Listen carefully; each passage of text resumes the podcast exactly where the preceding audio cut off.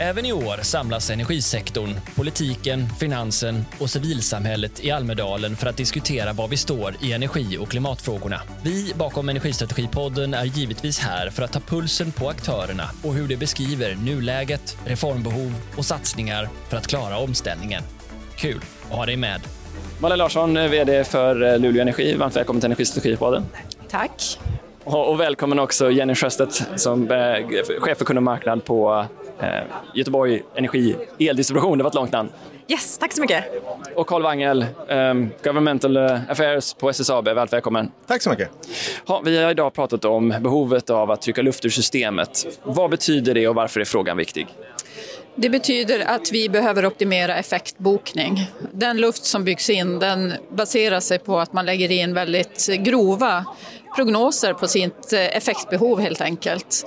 Det som tidigare kanske lades in en bokning på 10 megawatt och man använde 8 för en stor fabrik ligger idag på nivåer på flera hundra megawatt. Och är det så att vi då har flera hundra megawatt outnyttjad effekt eh, så kommer det naturligtvis få väldigt stora konsekvenser för Sverige. Och det här går väldigt snabbt. Effekten bokas upp och det innebär ett hot också mot omställningen. Vad är potentialen i de här frågorna? Vad har det varit för er? Eh, för oss, eh, vi har samlat eh, industrin i Luleå, de stora aktörerna som är i omställning och de nyetablerarna och tillsammans då med Vattenfall och Svenska kraftnät och kommunen. Där vi har tittat på den här frågan och verkligen jobbat igenom den och kommit överens om att vi ska optimera. Och det innebär att vi har hittat närmare 1000 megawatt i eh, för grova prognoser och också för prognoser som ligger långt fram i, i tiden. Så det kan vara planer för 2045, 2050. Eh, och det kommer att ligga och blocka ända fram tills dess om vi jobbar på det gamla sättet. Så eh, en, en dubbla mängden vad en mellanstor svensk stad eller en stor svensk stad behöver med andra ord har ni lyckats plocka bort från överbokningen? Jajamensan, det har vi gjort. I, ehm, Jenny, ni har ju verkligen genom Axel-arbetet också flaggat för att behovet är liknande hos er. Ehm, Ser ni samma sak? Ja, men det gör vi såklart. Det här är ju ett välkänt gammalt arbetssätt och vi, det kallas ju konsultfaktorn väldigt mycket, att man, att man tar i när man bokar och det går inte längre. Vi har inte den luften i systemet eh, så den, den måste bort för att vi ska kunna möjliggöra omställningen och, och eh, elektrifieringen i samhället. Så att vi ser absolut samma problematik och vi blir väldigt inspirerade av Luleå Energi och det de har gjort för vi har kanske individuella dialoger mer med kunderna men just det att samlas runt bordet, vi vill ju ha mer samverkan, vi trycker på det. Och att kunna samlas runt bordet där jag också hör att det kommer upp andra idéer om cirkulärt användande och så vidare som också skapar nytta är ju otroligt inspirerande. Så den plockar vi med oss och är här för att lära. Mm. SSAB, ni står för 10 procent av svenska utsläppen idag. Ni vill ta ansvar. Ni hör här att det sker överbokningar. Är det här någonting ni känner igen? Hur har er resa sett ut i den här frågan? Absolut, och jag kan väl säga att eh, vi tar ansvar. Och vi gör verkligen vårt bästa och mycket tack vare sådana initiativ som Malin Larsson Luleå Energi för fram. Där vi tillsammans då med industrier, tillsammans som, som Malin också nämnde med kommunen, försöker jobba. Vi har ju kunskap. Utnyttja den kunskapen också till förmån för allt från elproduktion till, till elnätsutbyggnad men också optimering. Och här har vi sett att när vi sitter tillsammans mellan industrier så framkommer fler nyttor, fler systemvärden som vi också, det är en affärspotential för oss. Så det blir en, motivator för att göra den här typen av insatser och att, att eh, stretcha liksom vårt mindset. Inte bara industri och industriseparerat utan mer kontextuellt. Vad, vad, behövs för att få den här mindset-förflyttningen från att jag bokar upp det jag behöver, håller mig på min kant, löser min affärskedja, till att man ser på det här som du nästan beskriver som en samhällsomvandling? Jag skulle säga att grunden är ju ett starkt business case. Det, det är där grunden är. Och ett, där man har täckt in alla frågor så att vi, vi, har, vi har kompetensen, vi har logistiken, vi har marken och så vidare och vi har kapitalet. Så att det är grunden liksom för att för att någonstans kunna sitta vid ett sånt bord eh, affärsmässigt. Eh, sen så jobbar vi vidare då i de frågorna med att eh, försöka ha andra tidshorisonter. Till exempel 2030. Ofta bokas det upp för 2045, 2050. Men kan vi, kan vi börja kanske 2026, 2027 och försöka optimera där mellan industrierna. Skriva ett sekretessavtal och hjälpa varandra att växla upp. Eh, givet en, en delad och gemensam geografi. Så SSAB pratar här då om att eh, takta det här, förstå andras behov. Du som sitter och har många kunder i, i hela Luleå, hur får man alla med runt bordet och, och se samma sak? Ja, men det är verkligen att samlas, träffas och att man förstår problematiken, vilken konsekvens det får. Vi behöver vara många som jobbar med den här, för gör inte andra det här jobbet som vi har gjort med den större, de större industriaktörerna i Luleå. Om inte andra gör det, liksom grann, grannkommunerna. Det är traditionsenliga jaset som ska flyga över huvudet på oss. Förlåt. Ja, men det krävs att eh, väldigt många gör jobbet och att eh, många tar ett stort ansvar. Och då tänker jag också att det är ju när vi kommer till att eh, med det, det som nu händer i, i den eh, större industrin och där vi ser nu redan ett eh, problem med den här effekten. Den kommer ju också komma till befintlig svensk industri som också ska öka elektrifiering. Vi kommer att få ett problem där också. Vi kommer att få ett problem med att eh, liksom laddinfrastruktur. Så att det kommer liksom ta sig hela vägen igenom. Vi ser det bara inte ännu.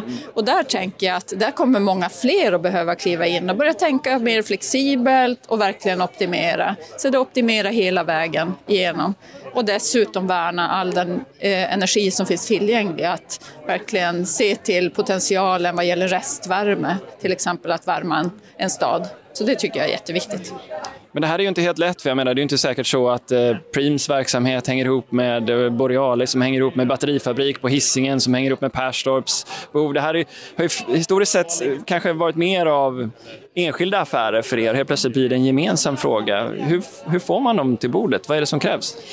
Det tror inte jag är så svårt, för när vi pratar om de här stora aktörerna så är de ju medvetna om situationen och vi får ju jobba som Malin säger med, med transparens och att ta dem till bordet. Det finns en förståelse och el är ju en dyr vara nu och en, en eftertraktad vara som man vill åt. Så det, här är ju, eh, det här är ju affärer, det gäller att det finns ett business case. Och vad är alternativet då?